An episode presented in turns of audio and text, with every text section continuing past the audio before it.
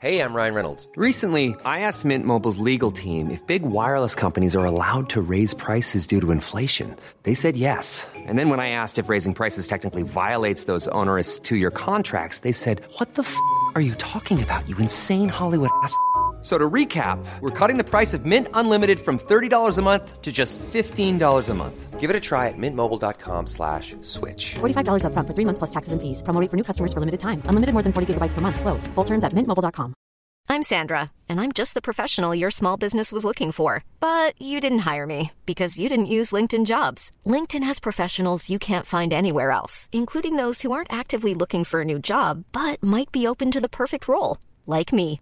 In a given month, over 70% of LinkedIn users don't visit other leading job sites. So if you're not looking on LinkedIn, you'll miss out on great candidates like Sandra. Start hiring professionals like a professional. Post your free job on linkedin.com/people today. There's never been a faster or easier way to start your weight loss journey than with PlushCare. PlushCare accepts most insurance plans and gives you online access to board-certified physicians who can prescribe FDA-approved weight loss medications like Wigovi and Zepbound for those who qualify. Take charge of your health and speak with a board-certified physician about a weight loss plan that's right for you. Get started today at plushcare.com slash weight loss. That's plushcare.com slash weight loss. plushcare.com slash weight loss.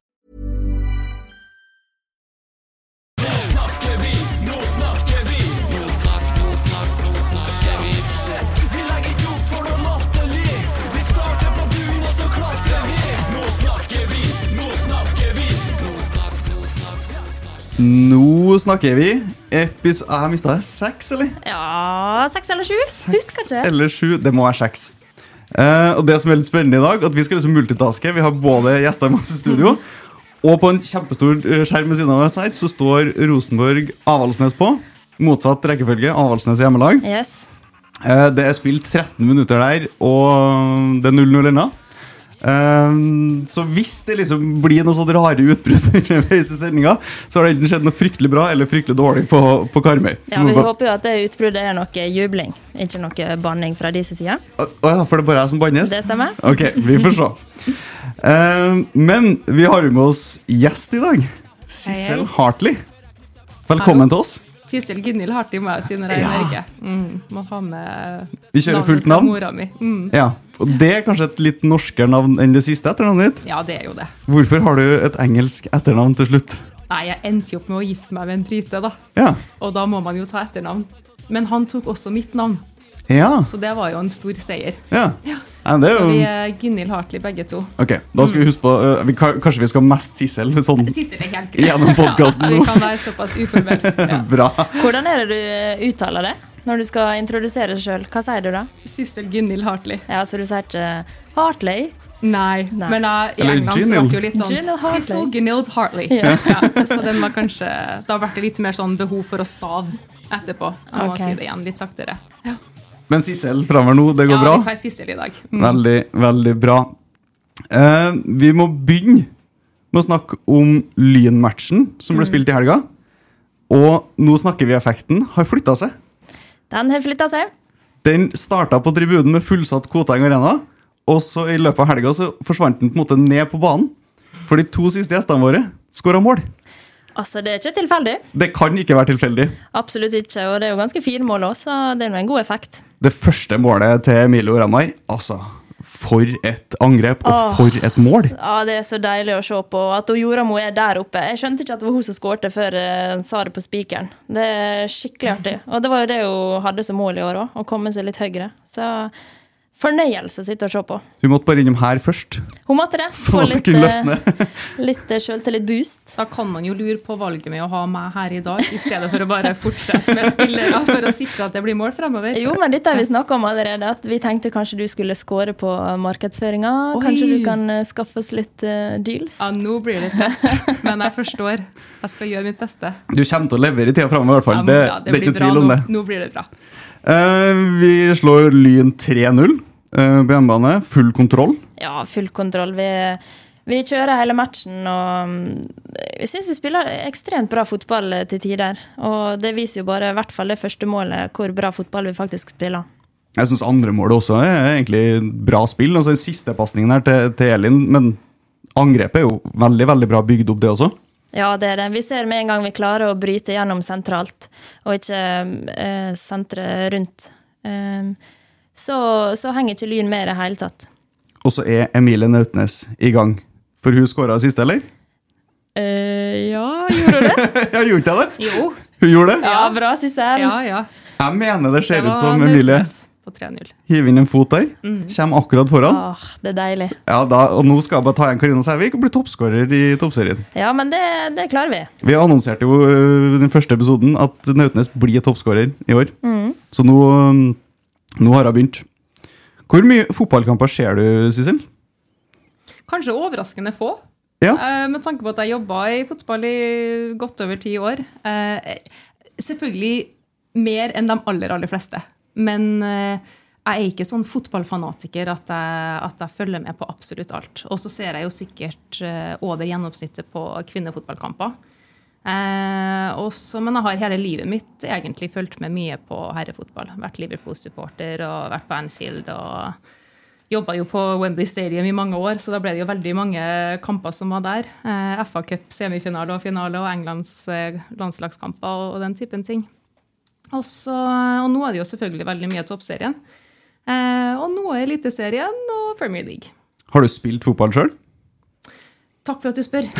Eh, jeg spilte fotball til jeg var sånn 14 år. Ja. Eh, var ikke spesielt god. Jeg bruker å si at jeg har hatt bedre karriere av banen enn på banen, for å si det sånn, i fotballen.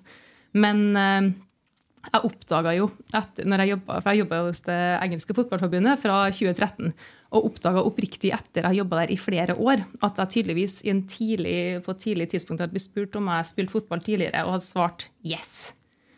Og da hadde det på en annen tidspunkt blitt en antakelse om at jeg var sånn kanskje tidligere norsk landslagsspiller. Som jeg så definitivt aldri har vært i nærheten av å være. Så nå bruker jeg å si eh, ja, jeg var dårlig, og jeg slutta når jeg var ca. 14. Ja. Jeg skjønner. Jeg jeg skal bare ta én siste greie om den Lyn-matchen. Ja, ja, For vi skal snakke veldig masse om det du Ja. holdt med. Uh, var du i garderoben etter kamp, Kristine? Ja. Fordi at jeg mener å huske på å ha sett eh, en TV-serie på NRK. Uh, der man følger Rosenborg tett. La oss kalle den Kampen. Uh, der det ble snakka om at målet for sesongen var å bli veldig god på feiring. Og Ja. så ble det etter Lyn Altså, man moser jo Lyn på Kotak Arena. Og så kommer det ut en sånn her video på sosiale medier at man feirer den serien etter Lyn. du, du sitter liksom og flirer. ja, for jeg prøver å komme på hva det var vi gjorde. Altså, det, det, var, det var noe sånn syngegreier. Et eller annet sted sånn helt på slutten av barnehagealder verdig. det var liksom litt sånn slapp klapping, en halvveis synging. Det begynte vel først med at en Steinar satte i gang litt eh, på en Mikkel, eh, som er ungen til Maria. Eh, også Unger skaper jo alltid god stemning, så det er så kjekt når de kommer inn i garderoben etter kamp. Så det begynte med det, og så var det vel en liten sang etterpå. Jeg husker ikke. Nei, det var, det var Jeg opp, hørte det som en sånn typisk sånn barne, barnesang, egentlig. Men det kan du forklare hvis det var Mikkel som var med deg.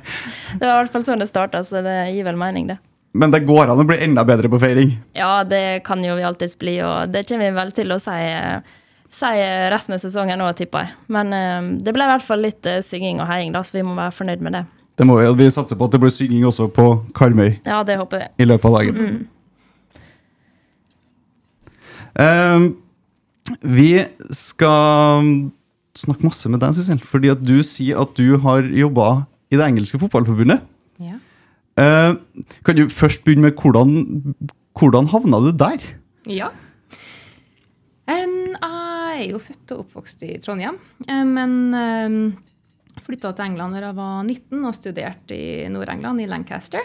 Eh, og så starta jeg jobb hos Johnson Johnson i markedsføring. Eh, så det var sånn eh, eh, product marketing, FMCG.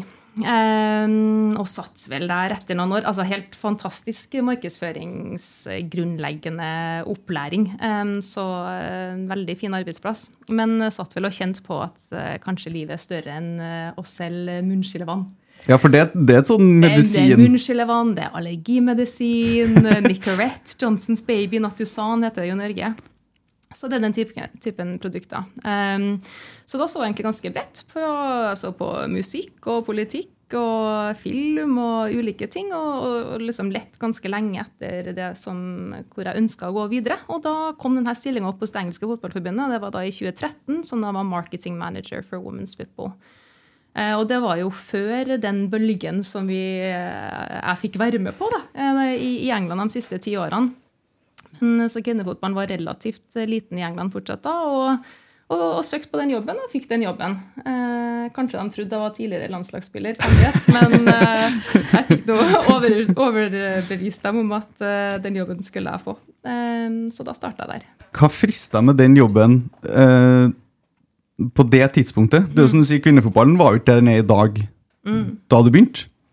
Nei, altså jeg har alltid liksom vært fotballsupporter. Um, og, og har jo spilt sjøl. Og, og selv om jeg ikke var spesielt god, så har jeg utrolig gode minner fra fotballen.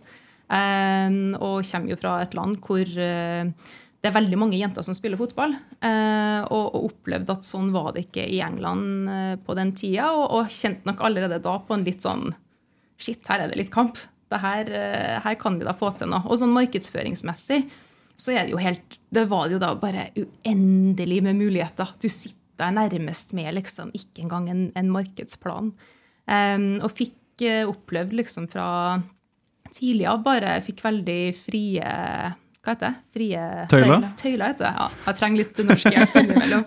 Um, til å, til å, bare mm, finne ut av det. Så vi gjorde jo masse liksom, forskning de første, første året bare rundt målgruppe og liksom, hvorfor kommer ikke folk på kamp? Og hvorfor eh, synes ikke flere at kvinnefotballen er noe bra? Hva er det som skal til for at vi skal løfte dette produktet?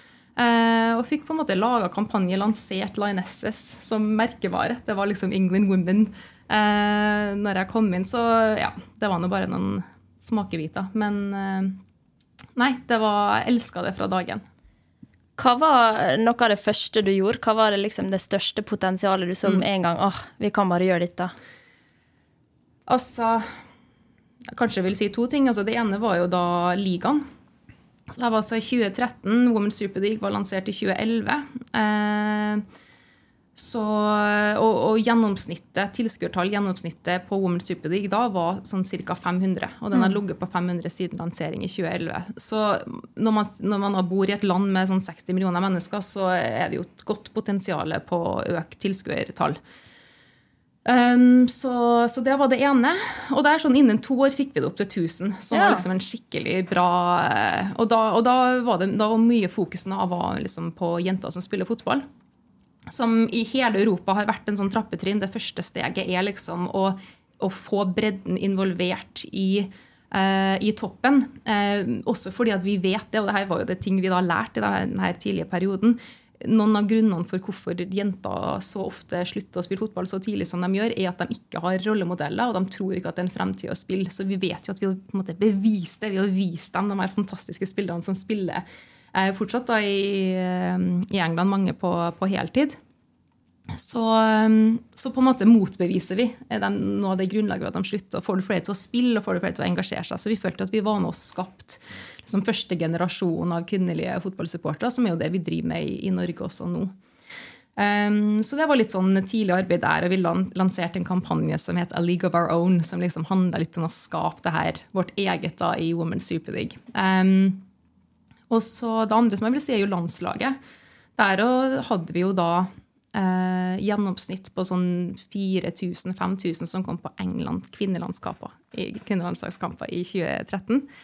Um, og der var det sånn en del grunnleggende ting man kan gjøre. Liksom, av, en av de første kampene jeg, jeg jobba med, da fikk vi 9000. Og det var sånn høyeste tallet vi hadde hatt på de siste ti årene. Så det var skikkelig opptur. Og så prøvde vi å ta litt læring fra hva som fungerte fra det.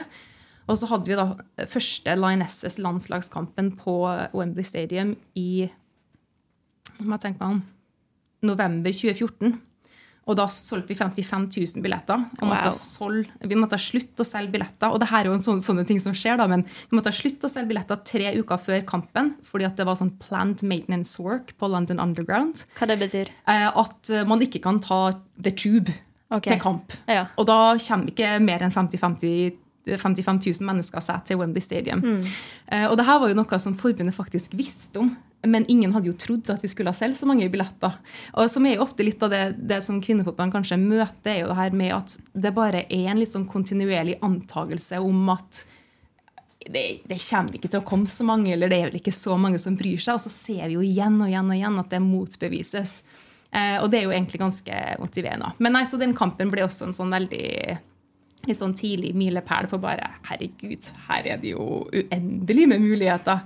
Eh, så ja. Men var det, danna dere en del profiler da, allerede på den tida? Var det det som drog en del tilskuere? Um, jeg vet helt ærlig ikke om det var profilene som dro tilskuerne på, uh, på den tida. Altså, da, hvis jeg da skal trekke ut noen navn, så var det jo Frank Kirby, f.eks., mm. som ble solgt fra Reading til Chelsea. Um, og, og, og, hun var jo uh, Altså, hun var jo så camera shy og liksom bare og så bare å se på måten hun nå liksom blomstrer, er jo bare utrolig kult. Mm. Uh, Ellen White var tidlig en favoritt. Um, og også Steff Houghton, som er tidligere kaptein. og de, også Lian Sanderson, også, som bare Jeg vet ikke om dere kjenner til hun. Nei, hun kjenner ikke til. Ja, hun bare hadde en sånn her mohawk. Hva heter det? Hanekam. Hanekam. Hanekam. Hun så så utrolig kul ut. Uh, så hun òg brukte vi mye. Um, og, og Enya Luco. Dritgod foran kamera, bare masse meninger. Så, så jo. Profiler var viktig, og, og, og, det var jo noe av det vi, vi starta tidlig med. Men også bare det med å liksom få opp eh, Altså, hva heter det? Liksom, create awareness. Det, er, det her er første landslagskampen til mm. det engelske kvinnelandslaget på Wembley Stadium. Har du lyst til å komme? Ja! Så dere skapte egentlig en stor blest rundt det, og, ja, det og gjorde at informasjonen kom ut til folk, at de faktisk visste det var en stor kamp? Ja. Hvem var det de spilte mot, da? Var det et bra lag? Det var eller? Germany, og det var 3-0. Ja. At de tapte. Okay. For det her var jo før uh, the, glory, uh, the glory years. Okay. Men, så det var 3-0-tap i pissregn på OMD Wembley Stadium. Uh, men et sånn veldig viktig øyeblikk likevel, da. Ja. Um, ja. Men hva var bestillinga fra For da var du ansatt i det engelske fotballforbundet. Ja. Mm. Uh, altså, uh, satt dem også med en følelse av at her er det et uforløst potensial? Eller var det litt sånn vi må bare ha noen til å gjøre det, og så får det bli det det blir? Altså, litt blanding. Litt sånn Fra de tidlige årene så var det nok litt mer andre. Du sier at det liksom og, og, og jeg, jeg, trivdes veldig godt i det miljøet, for det var litt sånn bare gjør nå og se om det funker. Og så var det nesten alt funka, for vi hadde gjort egentlig veldig lite fra før. Mm. Um, så, så, så vi, vi, fikk jo liksom til veldig god vekst. Eh, og så får du jobbe med de spillerne som alltid har vært liksom noe av det beste, mest givende å jobbe med kvinnefotballen, er å jobbe med kvinnelige fotballspillere. For det er bare verdens fineste mennesker. Eh, så det jo liksom gir så mye at du ser så takknemlig eh, en spiller kan være for at det faktisk er liksom Man jobber profesjonelt når det er en photoshoot. Eller liksom ting er forberedt, og man blir tatt på alvor, og alt det alt det her. Så det uh, Ja. Uh, hva var spørsmålet ditt?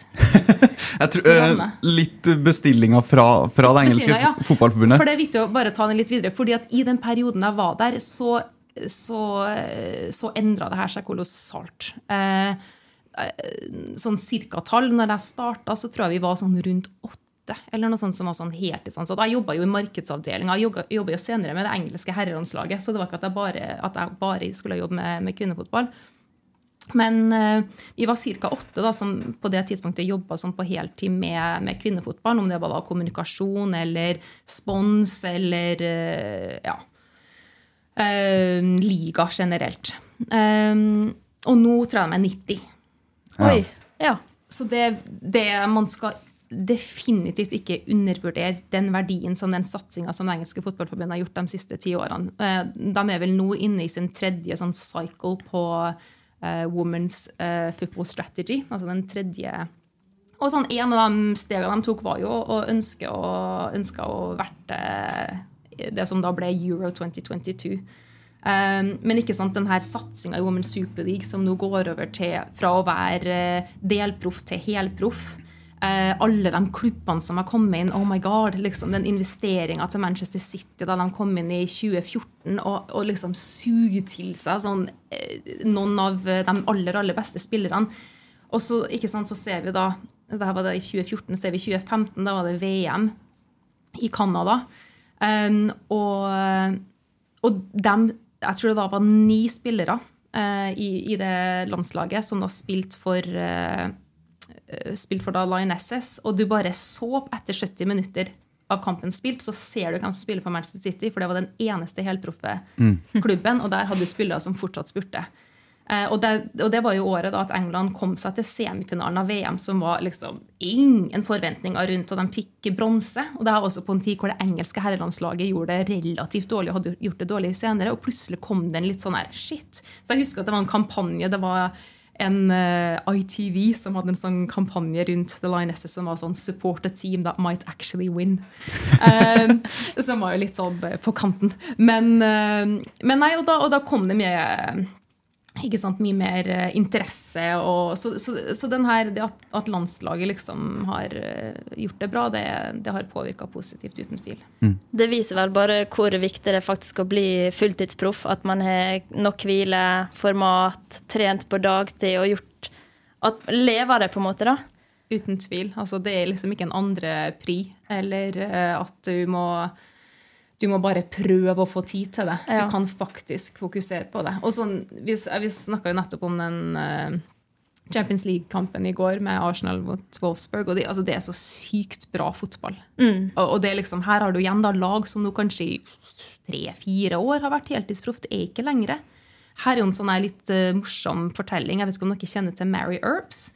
Det er hun, som er, ja, mm. hun er keeper for Manchester United og vant nå den her eh, Fifa The Best. Mm. The best goalkeeper in the world. Mm. Og hun, da, Mary Earps, altså. Når jeg starta i England i 2013, så var Mary Earps sånn eh, marketing coordinator for, ja. for Bristol Academy. Det var hun som hadde ansvar for å skrive programmet på kampdager. Altså sånn program til publikum. Så det er liksom at hun nå ti år senere kan bli verdens beste keeper. Tenk deg om hun faktisk fra en alder av sju hadde fått liksom verdens beste på en måte oppfølging. Tenk så god hun kunne ha vært da. Mm. Um, så um, ja. Nei, det er viktig. Og hun er jo en veldig karakter også, som eh, man kan spille på markedsføringsmessig. sikkert. Ja, hun er jo utrolig morsom. Hun jo, og hun har jo virkelig vokst TikToken sin ja. etter eh, EM og sånn, så hun, hun byr veldig på seg sjøl. En utrolig fin person. Men det er litt sånn som du sa i stad, FA har jo på en måte litt krav til at man skal være heltidsproffe nå. Det er vel helt ned til førstedivisjon i England? Har ikke mm. det blitt det at de skal i hvert fall være deltidsproffe? Ja. Det mener jeg stemmer. Deltidsproffe, tror jeg det. Ja. ja. Og det er jo ganske kult. Det er nede i førstedivisjon, og her mm. i Norge så har ikke vi eh, toppklubber som er fulltidsproff ennå. Så det viser jo bare eh, innsatsen FA er kommet med, da. Mm. At de krever det. Og det er jo helt spinnvilt å tenke på at det du snakker om nå, det er ti år siden. Ja. Altså, Det høres jo ut som det er 100 år siden, ja. når man, i det du kom inn i. Men den utviklinga som har skjedd på ti år altså, det, Du må jo bare henge med, tenker jeg. Altså. Ja, vi, må, vi, skal henge med. Det er jo det det er jo det vi jobber med nå, er jo bare å få henge med. Og det er jo altså når jeg, også når jeg starta i England, vi, vi så, Norge var jo et av landene vi så til som et land som hadde kommet langt ja. på kvinnefotballen. Vi tenkte Tyskland var kommet langt, Sverige og Norge. liksom Foregangsland. Mange jenter som spiller fotball. God, eh, god aksept for, eh, for, kvinnefotball sånn generelt. Ja, for Norge var litt tidlig ut med på en måte å tillate Eh, ja. Så det var litt det dere så, egentlig, at uh, ja, her, her, blir det tatt på alvor? Altså det at, at, veldig mange jenter i en alder av uh, sju år i Norge starter å spille fotball er, For nå er det jo helt nytt i England at det nå har blitt mulig for jenter å spille fotball i skolen i England. For det var det bare mulig okay. for gutter. Så det her var jo en sånn der kampanje som Julia Williamson og Lottie Wibben-Moy, eh, to engelske landslagsspillere, eh, kjørt etter, etter EM i fjor. Eh, for å bare gjøre det mer mulig for jenter å spille fotball. Og nå har det blitt eh, likestilt, da, sies i alle fall. Det er sikkert mye mer arbeid som må gjøres. Men, så, så der, har, der, har, vi jo alltid vært lengre. Det har alltid vært mulig for, for jenter å, å, starte å spille fotball i Norge. Men ble det først likestilt nå etter de starta den mm. kampanjen? Ja, ja, På skolen? Ja. ja. Det er jo veldig interessant. Ja. Så det var veldig bra. Men det er jo sånn igjen da med det her med liksom, eh, kvinnelige fotballspillere. Her vinner de EM på hjemmebane, og så tar de den kampen. Ja. ikke sant? Og liksom, Vi gir oss ikke. De sa jo det der som har blitt litt sånn mantra. Uh, we're only just beginning. Mm. Uh, we're only just getting started. Ja, så... Uh, Og så ser jo vi ikke bare landskamper som får så mange tusen, men Arsenal-kampen i går mot Wolfsburg var 60 000. Det er jo utsolgte stadioner på vanlig seriekamp også, når de får spille på de store stadionene. Så du ser jo at det, det er mange mange tusen som kommer på um, seriekampene i England. Og så har jo de selvfølgelig flere folk å ta av enn vi i Norge, men eh, det er veldig veldig kult å sitte og se på.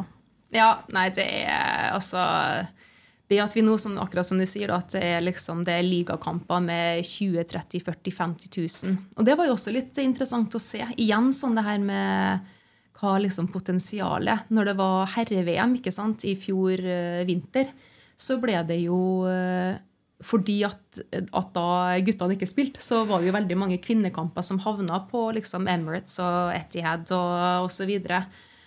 Eh, og plutselig ser vi jo bare herregud, de selger jo 40 50 60 000 billetter til de her kampene. Um, så, og, og, og, som regel får jo ikke kvinnelaget egentlig mulighet til å spille fordi at det spilles herreligakamper hver eneste uke, så det er på en måte ikke plass til de kampene. Så bare å, å få liksom, fått litt innsyn i hva som er muligheten når man faktisk eh, får prøve. Ja. Og det ser vi når vi Nå gjorde vi en stor innsats når vi spilte mot Brann på Lerkendal, men det kom jo 11 000. Og det er jo i hvert fall noe av det kuleste jeg har opplevd. Mm. Det var 10 000 i Bergen også, som så Brann Vålerenga. Ja, det stemmer. Så vi er på riktig vei. Ja. Man ser jo at det trigger da, disse store stadionene og hele mm, produktet rundt. Så det er mer ja, det. Er, det er utrolig viktig. Og, og sånn, hvis man ikke bare ser på England, men sånn de andre landene i Europa hvor, hvor også kvinnefotballen vokser veldig. De her eh, litt sånn showcase-matches. ikke sant? Om det er én i året for en klubb, eller to eller tre i året, men at man kan vise seg frem foran et større publikum.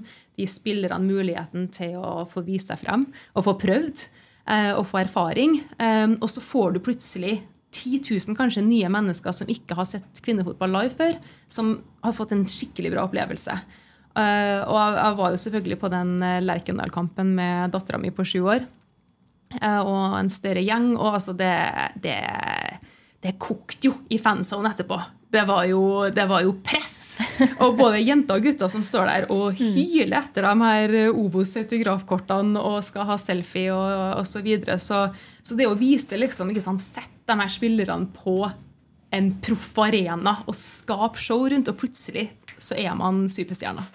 Um, så nei, det er veldig, veldig viktige steg.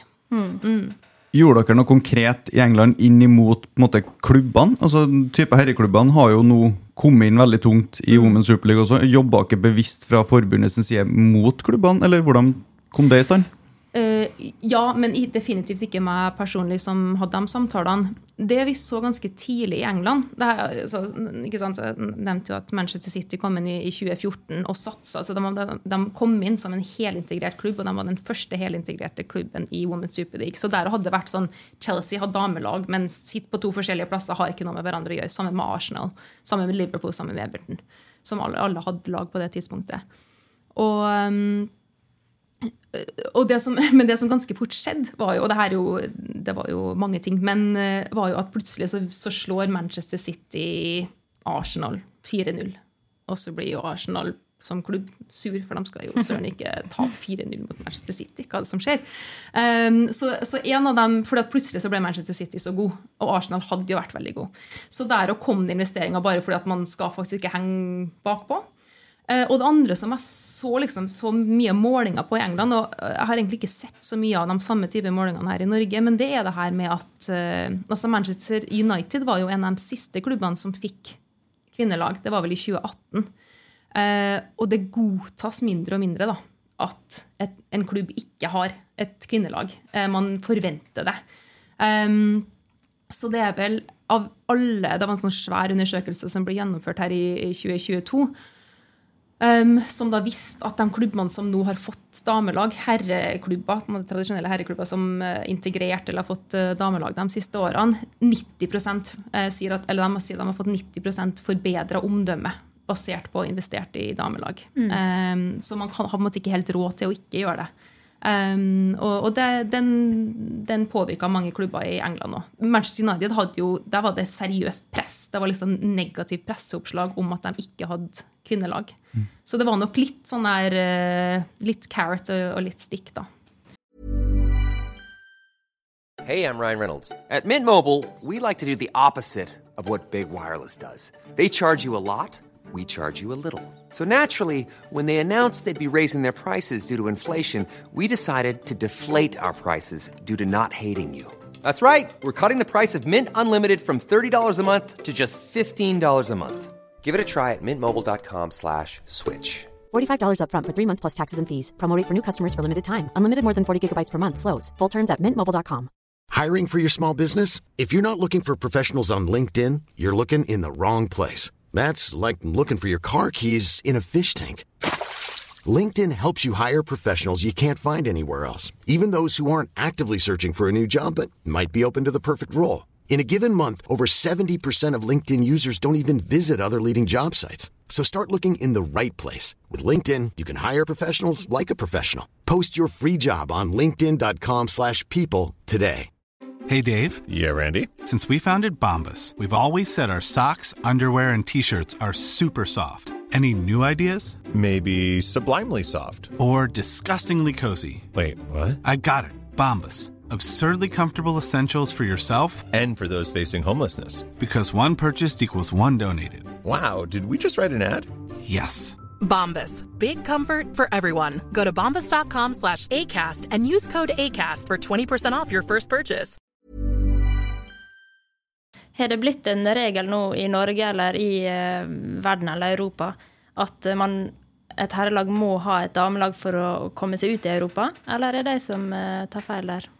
Jeg har hørt snakk om at det skulle bli. Og så vet ikke jeg om det Jeg tror det var Uefa som sa at eh, vi Ja. skulle den veien. For å få kvalifisert til Europacup eller noe sånt, så Ja. måtte man ha et eller annet slags samarbeid. Ja, det er det jeg syns jeg har hørt, i hvert fall. Jeg er enig, men jeg vet ikke. Nei. Jeg prøvde å trykke på i stad, men det ble ikke noen lyd. Nå satt den. ja, nå sa den perfekt. Eh, og så skal du begynne å gjøre det samme i Norge, Sissel. Ja, vi jobber med det. ja. Eh, fortell oss om planer. Først, hvordan fant du ut at du måtte hjem igjen? Ja, nei, det her var jo da Så de siste årene jeg var hos, eh, hos det engelske fotballforbundet, så jobba jeg med Da hadde jeg markedsansvar for det engelske herrelandslaget og også det engelske kvinnelandslaget. Så da jobba jeg opp mot eh, det som da var Russland-VM. Det var faktisk VM i Russland, tenkte jeg. I 2018. Um, og, og tok valget med å eh, si takk og farvel etter det, for da eh, var jeg egentlig ganske utbrent, faktisk, etter fem år. Um, så da jobba jeg for meg sjøl en stund som selvstendig næringsdrivende, og jobbet, da hadde jeg mange prosjekter med Uefa, annet. Og, og litt av ønsket da var egentlig at vi da skulle ha fleksibiliteten til å kunne flytte til Norge. På det tidspunktet hadde jeg da Freya, som nå er sju år.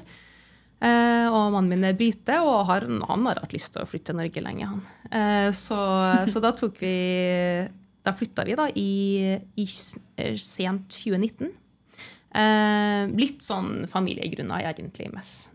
Um, og så kom jo korona og så videre, og så, eh, og så var jeg innom Trøndelag Teater en tur. Um, og så ble jeg gravid igjen, og så var det mammaperm, og da ringer Hege Jørgensen, eh, daglig leder i Toppfotball Kvinner. Eh, og, for, for et av de prosjektene jeg hadde når jeg jobba med Uefa, var faktisk med Toppserien og, og NFF. Hva gjorde du for Uefa? Um, det Eller var, med Uefa? Ja, det var alt fra forbund som finner ut at de kanskje skal jobbe med kvinnefotball, som f.eks. i Kasakhstan. Ok. Eh, det var Jeg jobba med det finske fotballforbundet og spanske fotballforbundet og italienske fotballforbundet på å skrive sine første kvinnefotballstrategier. Da var jeg konsulent, så var for alle dem som gjorde arbeidet, men jeg var konsulent og var med og, og hjalp, hjalp med prosessen. Jobba med merkevareprosjekter, altså lage ny merkevare for bl.a. The Welsh Women's League og Liechtenstein og San Marino, blant annet. Um, og, og også bare jobba en del. Jeg jobba med jeg var i Slovenia og Slovakia rundt å få flere folk på kamp, f.eks. Så litt uh, forskjellig. Er det, er det noen likheter der? Altså Alt fra øh, Finland til Kasakhstan og Spania, på en måte? Altså det, det er jo ganske Det jeg vil si, er at alle jobber på spreng for å henge med i utviklinga til kvinnefotballen. Så når jeg liksom er utålmodig, så er det fordi at jeg vet at det er dritdyktige folk som sitter i veldig mange andre land, som jobber for at man kan henge med på utviklinga. Det er mange som nå sikkert på, på herresida kanskje tenker at gapet er for stort, eller investeringene er for store, og det, det er for, for langt fra toppen til oss i kvinnefotballen er det fortsatt ikke helt det. Jo, det er en del klubber som har ganske greie budsjetter, men det går faktisk an å henge med i den utviklinga hvis man gjør det nå. Um, så ja. Ja, Kjapp statusoppdatering på kvinnefotballen i Kasakhstan. Jeg synes det var litt interessant. Hvor- Hvordan, hvordan ligger det an? Altså Nei, Kasakhstan det blir et kapittel for seg sjøl. Altså. Der, eh, der var det Det var bare Det var jo Det morsomste var jo bare totalt kultursjokk. For det første så er det sånn at den, når du sitter i et møte der, så er det liksom du, Det er den personen som er mest senior, som snakker. Og så må de på en måte gi et nikk hvis personer under dem skal få komme til ordet. Så det var en sånn her veldig rar kjemi rundt bordet. Var, vi var vel sikkert eh, 20 der, og jeg var én av to damer. Eh, og jeg kan snakke. Eh, Så det var sikkert også litt rart. Men så var vi der jo for å snakke om kvinnefotballen, så da var det litt greit likevel. Ehm, Så nei, da vi spiste hest til middag. Eh, Det her var rett før jeg ble vegetarianer. Ehm, Var det derfor du ble vegetarianer? Den, eh, den var kanskje Hva heter det her uttrykket, da? Medvirkende årsak? Ja, The straw that broke the camel's back. um, og vi var på karaoke, og ja. Adjektivfortelling var det. Så Mm. det var mye å lære fra den. Men uh, jeg kan ikke gi noe, noe mer status på det. Jeg tror ikke det er det landet hvor ting skjer raskest på utvikling. altså. Nei, så vi, vi bør ikke forvente eh, kasakhstanske lag i Champions League med det første. Ikke med det første. Det er større sjanse for norske Plutselig lag. kommer det noen spillere, det kan man jo følge med på. Ja. Men ikke med det første, nei. Men eh, hvis vi skal komme oss tilbake til norsk fotball, da, Kristian, hvis det er greit for deg? Hvis Jeg du syns får ta litt Kasakhstan var svar. kjempespennende. Ja, jeg hører dette her. Med et eget kapittel. Men hvordan ser en vanlig arbeidsdag ut for deg her i Norge og i Trøndelag? Fordi Ja. resten av eh, gjengen din er vel i Oslo? Det stemmer. Så jeg sitter jo da på hjemmekontor i Trondheim. Så det var jo en av grunnene for at uh, kanskje Hege tenkte For det var under koronaen at, eh, at uh, vi starta å snakke om om jeg kanskje kunne jobbe for toppfotballkvinner. Fordi plutselig med Teams og så, videre, så, så fungerer jo det veldig bra. Og det har fungert utrolig bra. Så nei, min arbeidsdag er veldig mange Teams-møter. Eh, og så er det en del reising. Eh, men prøver å begrense det litt, mest fordi at jeg har to eh, ganske små barn. Uh, og er fotballtrener til dattera mi på sju, og det er svømming, og det er dans og så videre, og henting i barnehage og skole. Så um, jeg tror jeg jobber svært effektivt og får gjort uh, veldig mye i løpet av en arbeidsdag som uh, veldig mange andre working moms uh, får til. Så ja. Men sitter du da i Teams-møte med sponsorer og prøver å få inn nye sponsorer? Eller hva? er- Jeg bare sitter og selv. Ringer folk. ja.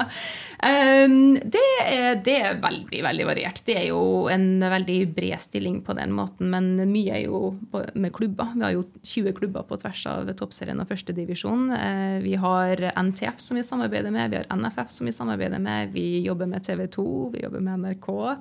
Eh, og så har vi alle våre samarbeidspartnere, både eksisterende og potensielt nye. Eh, så eh, vi er jo en ganske liten organisasjon fortsatt, og jobber beinhardt alle sammen for å eh, få til så mye som mulig. Det kan jeg vel skrive under på. Jeg, jo, jeg kjenner jo Hege, og jeg vet jo at det er damebein i nesa som har fått til eh, veldig mye. Eh, men var det et tiltak du tok med deg fra England, så du tenkte dette her kan vi begynne med i Norge òg? Du, jeg sitter med et akkurat nå, men Ja. den eh, skal ikke lanseres eh, her i dag, altså. Ja, nå snakker vi effekten. Men faktisk, eh, ja. Nei, jeg får komme tilbake når eh, the cat's out of the bag. Men eh, nei, det var et, faktisk et, et eh, konsept som vi lanserte i England i, i 2015, eh, som var med å, å få oss opp fra 500 til 1000. Mm. Em, så em, vi håper kan få til det samme i toppserien, da. Spennende. Mm. Så hvis vi googler godt nok hva som skjedde i Women's Super League i 2015, her nå, så kan vi ha en liten sånn Til de spesielt interesserte, så er det bare å google. Og det er han Christian, det skal du vite. Jeg kan jeg google litt, i hvert fall. Eh, men eh, kan du, altså, hva jobber dere med nå for å vise frem toppserien, for å på en måte promotere det? Bare, du trenger ikke gå ordentlig i dybden og nerde det, men, men litt sånn Hvilke prosjekt er på gang nå, og hva, hva er gjort? Nei, altså det første jeg kan nevne, vi sitter jo og ser på kamp nå. Eh, Vi har jo en ny medieavtale med TV 2, som har vært veldig viktig, og som er veldig viktig. Og i Som for øvrig er veldig, veldig bra. Som er utrolig bra, Mhm. og som har vært et, et skikkelig stort løft. Uh, men i tillegg til det har vi også én kamp uh, hver runde på NRK. Eh, som da går 16.45 på NRK, og da går inn mot eh, Dagsrevyen, som da, har jeg blitt fortalt, er Norges mest sette program fortsatt. Dagsrevyen på lørdagskveld er altså Norges mest sette program. Så, så, så den kombinasjonen er, tror vi, da gull. Eh, gull for toppserien. Og det er klart, med bedre mediedekning får man bedre eksponering til samarbeidspartnere. og man når ut til flere. Det er flere som får sett at det både er superbra, det som skjer på banen, men det er også en skikkelig fin kampopplevelse. Um, og, og samarbeidspartnere får jo også mer ut av det, som, som selvfølgelig hjelper oss videre. Um, vi jobber jo tett med alle våre klubber. altså det, det er jo, Alt arbeidet skjer jo i klubb. Eh, vi sitter jo og, og, og kan hjelpe med å eh, fasilitere eller dele informasjon eller komme med noen konsepter på, på tvers av, av ligaen, men det er jo klubbene som, eh, som 100% gjør arbeidet lokalt. Så både det med kampopplevelsen, å få folk på kamp, lokale samarbeidspartnere, aktivering, lokal presse. Det er, jo, det er jo klubben som sitter med alt det. Podkaster Podkaster, innovasjon. Inno ja, ja. Er det noe du tror eh, Nå skal ikke du kaste noen under bussen, men er det noe klubber kan eh, mate enda mer, eller gjøre enda mer? Nå er det jo forskjell på klubber, selvfølgelig, eh, og forskjellige eh, folk som jobber der. Men er det noe du tenker at ah, kanskje klubben har kunnet gjort dette? Sånne små, enkle grep for å skape flere profiler, eller øke interessen generelt? Altså det egentlig det, det jeg tenker på da, og det, det her har ikke med en eneste klubb å gjøre, bare sånn helt på tvers, er at det vil være utrolig viktig for toppserien at vi fortsetter å vekse tilskuertallene våre. Um, og det vet vi alle her er beinhardt arbeid. Folk kommer ikke av seg sjøl. Man hver eneste kamp må ringe rundt, og det er ikke spillerne som skal ringe. det er ansatte i klubb um, som skal stå for det arbeidet. Og, um, og nei, altså det Så i, i, i de siste sånn ti årene i toppserien så har vi hatt et sånn ligagjennomsnitt på rundt 200 sånn tilskuermessig. Og så hadde vi to år med korona, og så kom vi tilbake da i fjor med et gjennomsnitt på litt over 500. 530.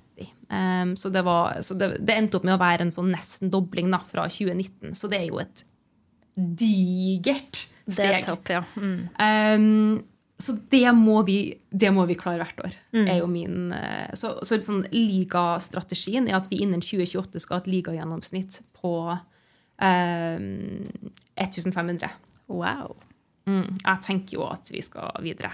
Jeg tenker at vi skal klare å komme oss enda videre forbi der. Men det er klart, vi, vi har, og, og sånn er det. Det er jo stor forskjell på ulike klubber og, og hvor mange som kommer på kamper til, til ulike klubber. Og sånn vil det alltid være. Men at vi klarer å på en måte komme oss litt over den kneiken da, der vi kanskje er. Eh, og mm, det vil, være, det vil kanskje være det viktigste, tenker jeg. da. Ja, hvis vi klarer den utviklinga, så må jo vi eh, øke kapasiteten på Koteng Arena.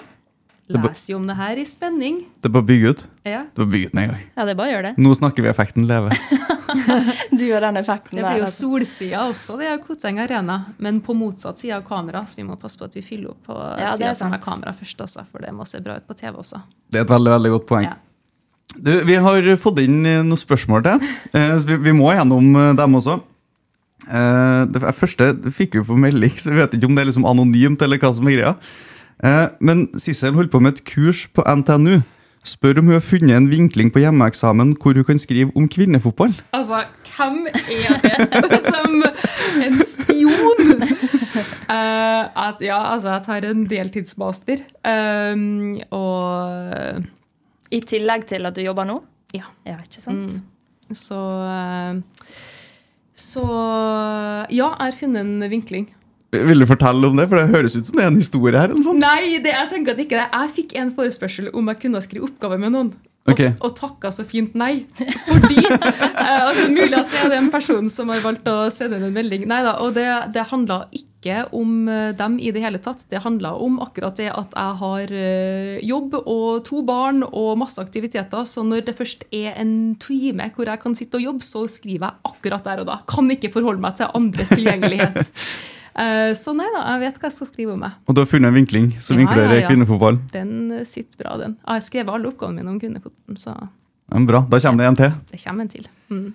Uh, Henriette Stensen lurer på hva er den største forskjellen mellom å jobbe med kvinnefotball i Norge og i England? Ja, vi har egentlig snakka sånn, kanskje litt om det. Altså, jeg, jeg tenker jo på en måte at når jeg starta i, i England, så var holdninga litt der blant eh, fotballsupportere. It's not women and it's not football. Helt ærlig. Det var liksom, Vi var der. Eh, og der kom vi ganske raskt forbi. Der, hvis jeg ser nå på fo- kvinnefotballen i England, så er vi ikke der. Um, og så tror jeg kanskje at litt mer av den holdninga fortsetter å eksistere litt mer i Norge enn jeg trodde det kom til å gjøre. Um, så det har nok overraska meg. Og for all del, det er, det er ikke det at de fleste sitter med den holdninga. Uh, men uh, jeg kom til Norge, likestillingens land, og bare tenkte at uh, her er det jo bare å kjøre på, fordi alle ønsker jo kvinnefotballen bare godt. og alle piler peker oppover, og det er bare å komme i gang. Og jeg er nok kanskje litt overraska over at vi på en måte fortsatt må jobbe så hardt som vi må for å på en måte bare få aksept. da. Og at, at folk skal tro på at det her faktisk eh, altså Hvis vi gønner på her, så er det uendelig med muligheter. At man fortsatt må drive og overbevise såpass mye som man må. Det er kanskje litt overraskelse. Det har vært snakka litt om at man har litt ulikt publikum på en herrekamp og en kvinnekamp. Mm. Er det noe du som ekspert kan bekrefte, eller altså, er det Absolutt. Ja. Det er jo veldig viktig, akkurat det der. Fordi eh, altså for det første, Jeg nevnte den undersøkelsen litt tidligere her. og Den viste et par ting. Så det her var en enorm kommersiell undersøkelse. altså 20 000 respondenter på tvers av 13 land. Eh, største kommersielle undersøkelsen gjennomført i kvinnefotballen. Um, og den her beviser et par ting. da. Det ene er at en tredjedel av dem som eh, identifiserer seg sjøl som kvinnefotballsupportere, er helt nye til fotballen. Så de har liksom ikke kommet fra å ha vært eh, først eh, herrefotballsupporter og så komme inn. De er helt nye. Og det tilsvarer altså 47 millioner mennesker i Europa.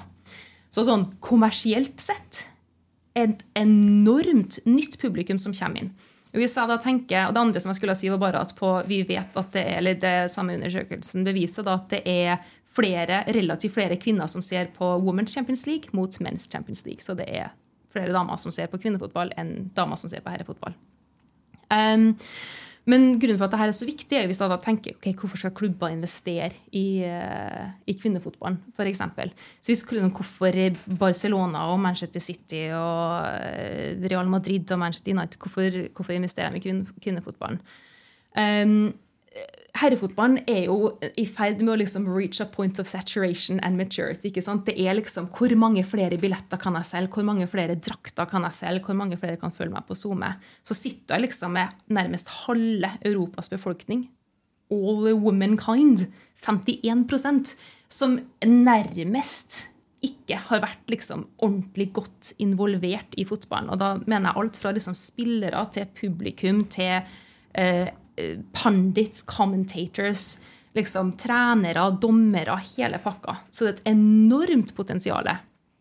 Um, så det at, at de her klubbene satser, en av grunnene er jo at de vet at her er det nye drakter som kan selges, nye profiler som kan bygges, nye SoMe-følgere, nye folk som kan se på TV, nye billetter som kan selges. Og de her, ikke sant, To kamper på kamp nå i fjor, Barcelona kvinner, som selger over 90 000 billetter.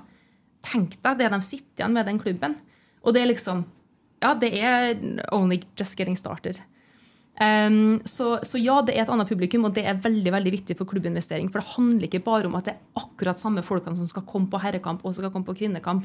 Det kan være et helt nytt publikum som kommer inn, og det er liksom hele kaka blir større. Det er mer å spise av.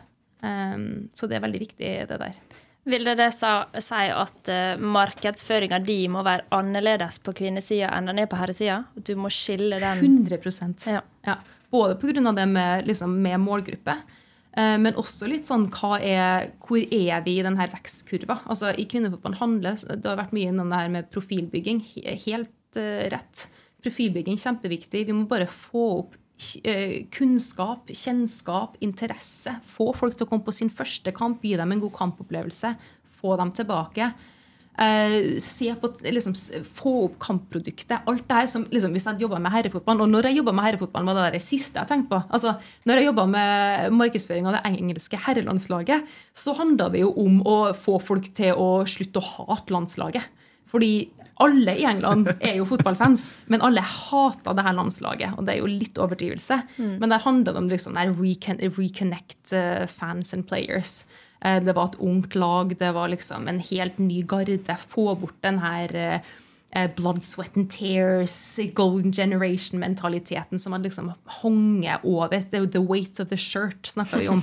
Fordi at de tar på seg, ikke sant, Raheem Sterling kan spille dritbra fra Manchester City, og så tar han på seg England-drakta. Og så spiller han plutselig ikke noe bra fordi han bare folks buer. Supporter Supportere buer, osv. Men nå i dag, dag ja. Vi, hva heter det? Uh, Off topic. Off topic. um, men ja, så, så hele markedsstrategien er helt annerledes. Uh, basert på ulik målgruppe. Det er en annen, vi er på en helt annen plass i, i liksom vekstkurven, og, og målsettinga vår er helt annerledes. Mm. Mm. Som er også et av grunnene, en av grunnene for at vi f.eks. tok det valget med å endre logoen vår. Fordi at vi har en ung eh, kvinnelig målgruppe. Eh, Så hvorfor skal logoen vår være en blåkopi av Eliteseriens, eh, som for øvrig er oransje? som- Ja, logoen vår var jo oransje og blå, som kanskje ikke er det mest appellerende fargepalettet. Og vi hadde en løve. Det er klart vi må ha en løvinne. Så ja. Så Det var litt sånn som du gjorde i England, at du skapte egen superleague. Og nå er det Ja. Egen toppserie. Ja, ja, ja. Herlig. Eh, vi, er, vi er på overtid. Er Egentlig, det er helt konge. Altså, det er fantastisk. Ja, det er så interessant å høre om. Ja, vi, vi kunne helt sikkert ha sittet her i mange timer til. Uh, det er pause på Karmøy. Avaldsnes Rosenborg 0-0. Så her må vi skåre mål. Vi trenger mål. Vi trenger mål. Det er bare å kjøre på og fortsette å slite deg ut. Eh, det vi egentlig eh, Eller det jeg har notert at vi skulle snakke om i starten, var at Rugi har jo signert en ny toårsavtale Yay! med Rosenborg.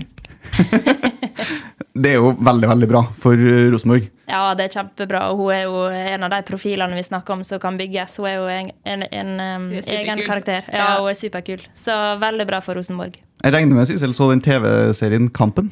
Jeg både så sett TV-serien og jeg var på premieren og så eh, versjonen på en og en halv time. Så eh, den er jeg godt kjent med. Det er noen profiler der det går an å ta tak i. Absolutt. Og da er det veldig veldig gøy for oss at Rugi blir her i to år til. Ja, veldig. Og det med profilbygging Jeg satt jo, Nå er jo Cecilie Andresen skada seg, Mm. så hun satt på tribunen med meg. Eh, og bare der så kom det noen og ville ta bilde med Cecilie, fordi de vet hvem hun er gjennom kampen. Og der ser vi betydning av det å få ut spillerne. da. Så Mm. det var en type profilbygging. så. Og hun er jo også en uh, spiller som tør å si ifra og Mm. ha litt meninger, som er jo så deilig. Det er så deilig når spillerne bare tør å liksom komme ut og ha meninger og si at ting som blir sagt, ikke er greit, f.eks. Ja, det er forfriskende. ja. Så det Bra. Vi skal oppfordre til ny match på Koteng Arena i helga. Først skal Rosenborg slå Avaldsnes nå. Eh, men søndag 7. mai, Koteng Arena klokka tre, kommer Vålerenga på besøk. Det er revansj fra i fjor. Og det er en viktig match. Veldig viktig match, og det er jo Vålerenga som kommer. Det jo, blir jo et lite hatoppgjør. Det var jo en ganske um, hva skal jeg si, en eh, kamp i, um, i vinter der det var stor aggressivitet og, og høy temperatur. Så jeg håper det blir det samme på søndag. Så må vi få lagt noe gress på Koteng Arena, for da, blir det, da knekker Vålerenga. De kan jo ikke spille på gress, for Nei, det, det blir jo helt krise. Så vi må få inn noen noe gode gressfrø der før de, før de kommer, så blir det ekkelt. Ja. Eh, alle må på Koteng Arena eh, nå på søndag. Og jeg tror faktisk det kommer litt bortesupportere også.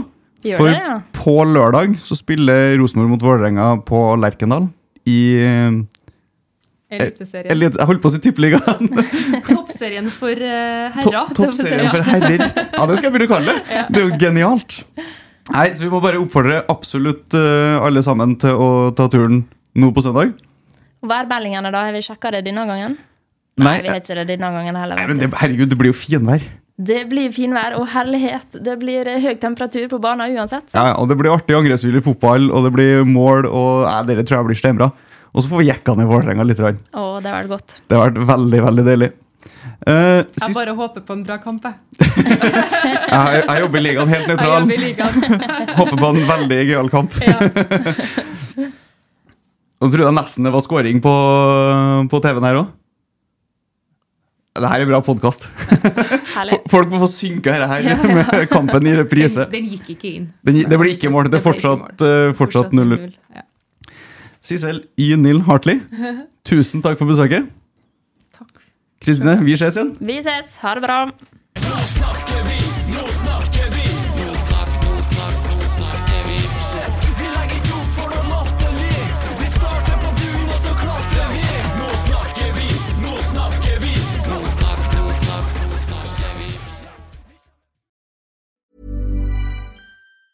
Planning for your next trip? Elevate your travel style with Quince. Quince has all the jet setting essentials you'll want for your next getaway, like European linen, premium luggage options, buttery soft Italian leather bags, and so much more. And is all priced at 50 to 80% less than similar brands. Plus, Quince only works with factories that use safe and ethical manufacturing practices. Pack your bags with high-quality essentials you'll be wearing for vacations to come with Quince. Go to quince.com slash pack for free shipping and 365-day returns.